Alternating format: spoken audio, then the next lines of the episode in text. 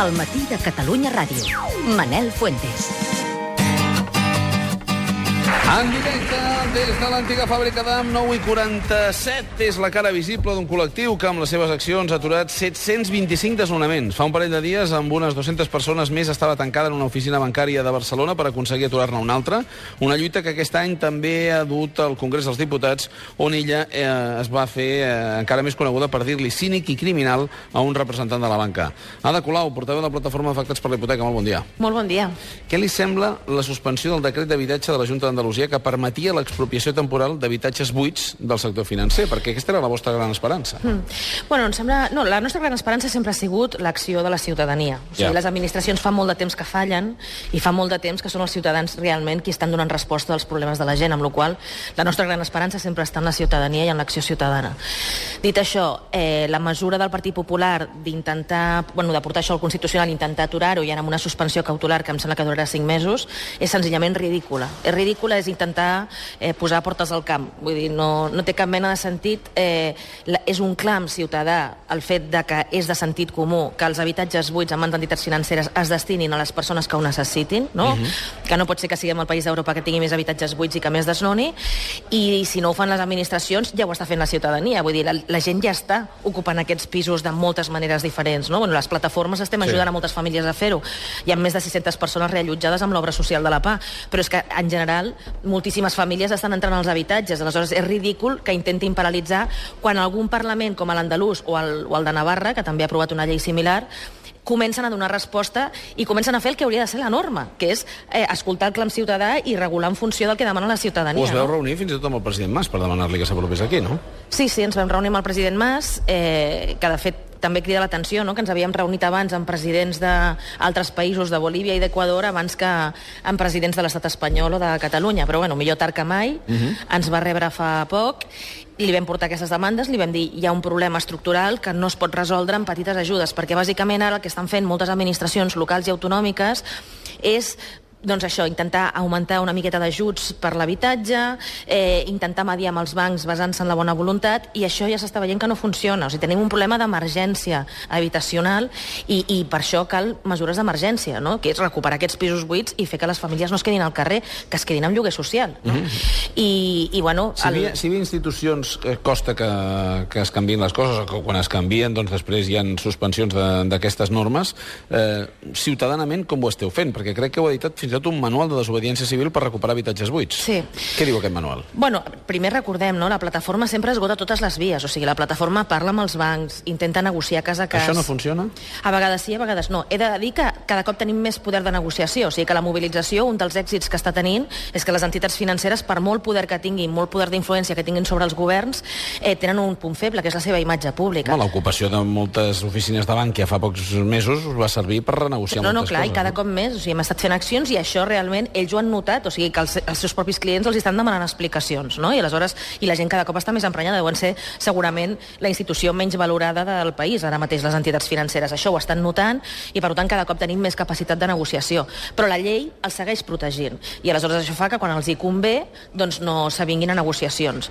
I en aquests casos és quan el banc no respon quan l'administració tampoc et respon i et diu que no té pisos on reallotjar i que no s'atreveix a dir-li res al banc, doncs aquí és quan nosaltres o fem desobediència civil per aturar el desnonament o si això no funciona o arribem massa tard, o per exemple en els casos en què aconseguim una dació en pagament, que la dació en pagament és una victòria perquè la persona queda alliberada del deute, però no deixa de ser un desnonament encobert, que no és judicial, però és una entrega de claus. Si el banc no vol fer un lloguer social, aquella família se'n va al carrer, encara que no surti a les estadístiques de desnonaments. Uh -huh. cada cop tenim més casos d'aquests, i s'acumulen els pisos buits en mans d'entitats financeres, doncs evidentment el següent pas lògic de sentit comú és recuperar aquests edificis per col·locar-hi les famílies i des d'aquí seguir pressionant per negociar i aconseguir lloguers socials. De fet, ja s'ha aconseguit. A- Terrassa s'ha aconseguit ja una victòria en aquest sentit. Què diu el manual de desobediència civil per recuperar habitatges buits? Com, perdó? Dic, què diu el manual de, de desobediència civil? No, no, el, el manual explica això, el protocol de la plataforma, que primer esgotem totes les vies, eh, després explica com organitzar-se per fer-ho, com, doncs això, com entrar en un edifici, com, com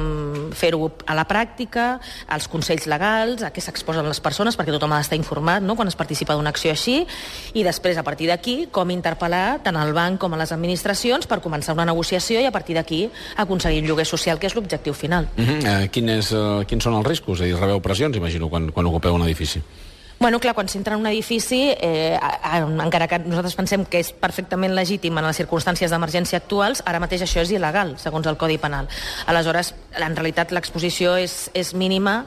Eh, si no tens antecedents, eh, no vas a la presó, diguem-ne, però sí que pots tenir un antecedent penal, no? perquè, perquè si volguessin podrien anar a penal. En realitat ens estem trobant que, per exemple, en el cas de Sabadell, que es va entrar amb moltes famílies a un edifici del Sareb, eh, del Banc Dolent, que recordem, recuperat amb diners públics, no?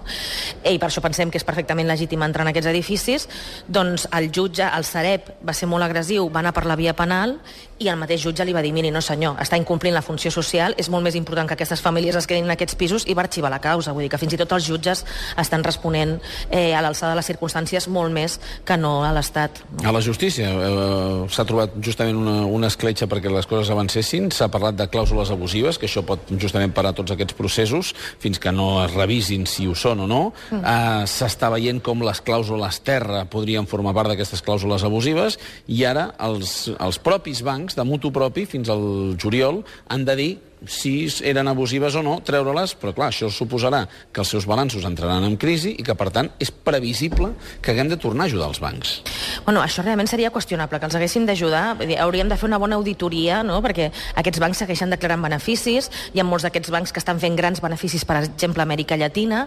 Llavors, això de que els haguem de rescatar perquè tenen una pèrdua a causa d'una clàusula abusiva, o sigui, entenguem que clàusula abusiva vol dir il·legal, que no s'hauria d'haver produït mai. O sigui, que t'han estafat, t'han enganyat i t'han robat. I, per tant, eh, a qualsevol que roba l'obliguen a respondre eh, penalment d'això, se'n va a la presó, molta gent per robar simplement per menjar acaba a la presó i has de tornar el que has robat, en cas de ser possible, no? si no t'ho has menjat. Aleshores, eh, per què els bancs han de ser diferents d'això? I a la mínima que se'ls diu que han de tornar alguna cosa, el país es posa en crisi i l'economia està en perill. A mi això em sona a xantatge i a mentida. O sigui, no és veritat que perquè, perquè traiem les clàusules sol, que insisteixo, són clàusules abusives, i per tant és obvi que s'han de treure, trigaran més o menys, però s'han de treure segur, i que a sobre estiguem qüestionant-nos això, si hem de permetre la il·legalitat, perquè pobres bancs perdrien diners. Home, però això és intolerable. Tenim alternativa? Clar que en tenim. Quina és?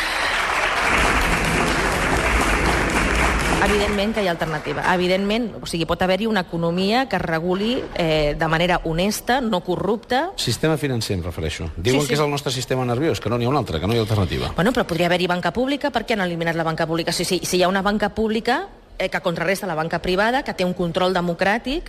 Igualment, la banca privada també hauria de tenir molts més controls que els que ha tingut ara. El Banc d'Espanya ha fet de patronal bancària, no ha fet de regulador públic, i així ens ha anat, no? Hi han d'haver normes, hi han d'haver regles, o sigui, l'economia és bàsica per al funcionament de la nostra societat. Aleshores, això ha de tenir un control... En una societat democràtica que es vulgui dir democràtica, ha de tenir el control de la població. Hem de poder decidir a on va el crèdit, en quines condicions, què es financia, què no es financia. Ara mateix això ho decideixen quatre empresaris que només persegueixen el seu benefici i els hi és igual l'interès general, l'economia del país i els drets de les persones. Aleshores, això, evidentment, és un suïcidi com a societat. A part de que sigui immoral, és que anem directes a l'abisme. Si realment volem sortir de la crisi, haurem de començar a reorganitzar l'economia d'una altra manera. Hi ha qui t'ha mirat com a, com a possible alternativa política, fins i tot. És, és, el, és la teva voluntat? Com creus que evoluciona la PA a partir d'ara? No, jo crec que són dues coses clarament diferents. Home, per exemple, crec que no és innocent el fet de que qui més ha insistit perquè em presentés a les eleccions ha estat el Partit Popular, no? que primer ens va intentar criminalitzar dient-nos terroristes, sí. com que això no ha tingut cap mena de credibilitat, ha intentat altres estratègies tan ridícules com dir que si vols canviar una llei t'has de presentar a les eleccions. Bueno, això a qualsevol democràcia saludable, això no és així, al contrari.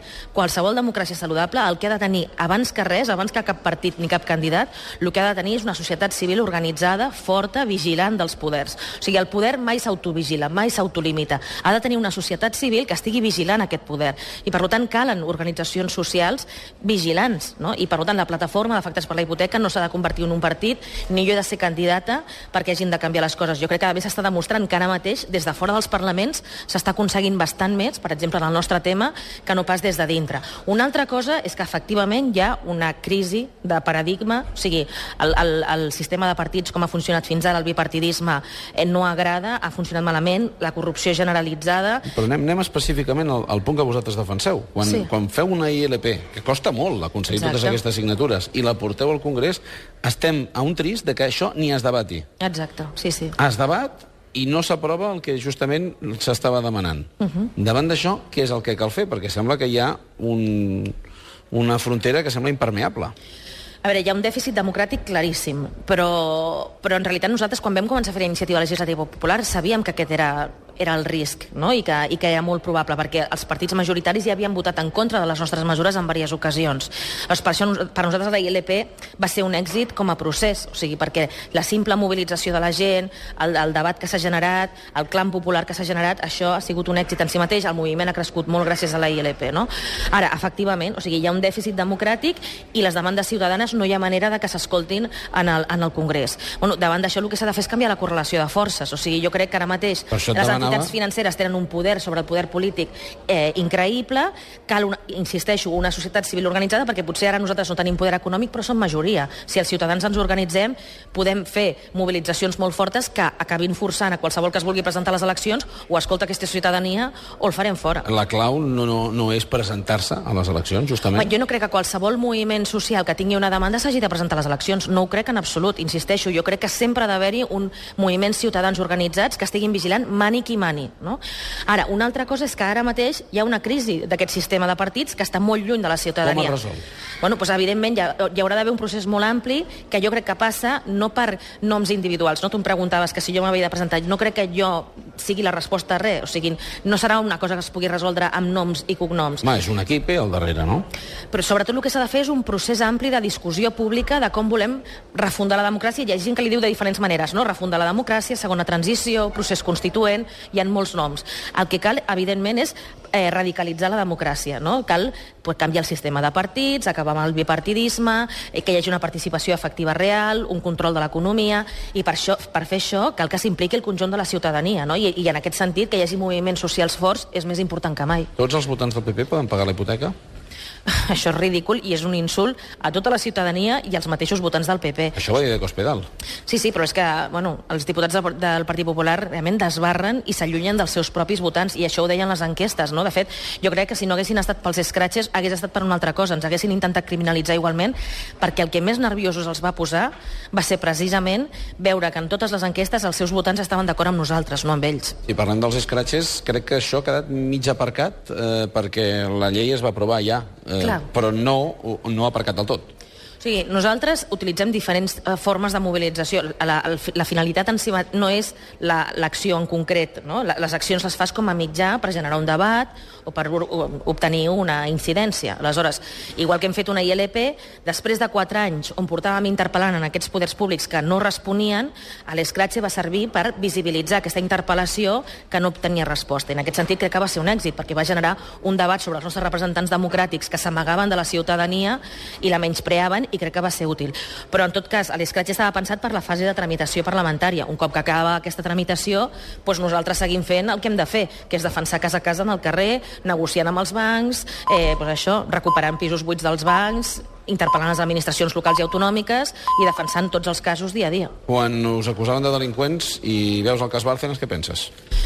Doncs que no calen ni comentaris, no? Vull dir, ho acabes de dir tu. O sigui, els delinqüents són ells, em sembla que està provadíssim. Vivim en un país on hi ha una, un doble raser, una doble moral, on els pobres són els que acaben a la presó i els que se'ls diu terroristes i nazis, i en canvi els, els que estan, eh, diguem-ne, delinquint a lo gran, amb milions i milions d'euros en comptes suïssos, que estan desprestigiant la política i, i minant la democràcia, perquè realment qui és més antidemòcrata avui és qui se suposa que hauria de representar la democràcia democràcia.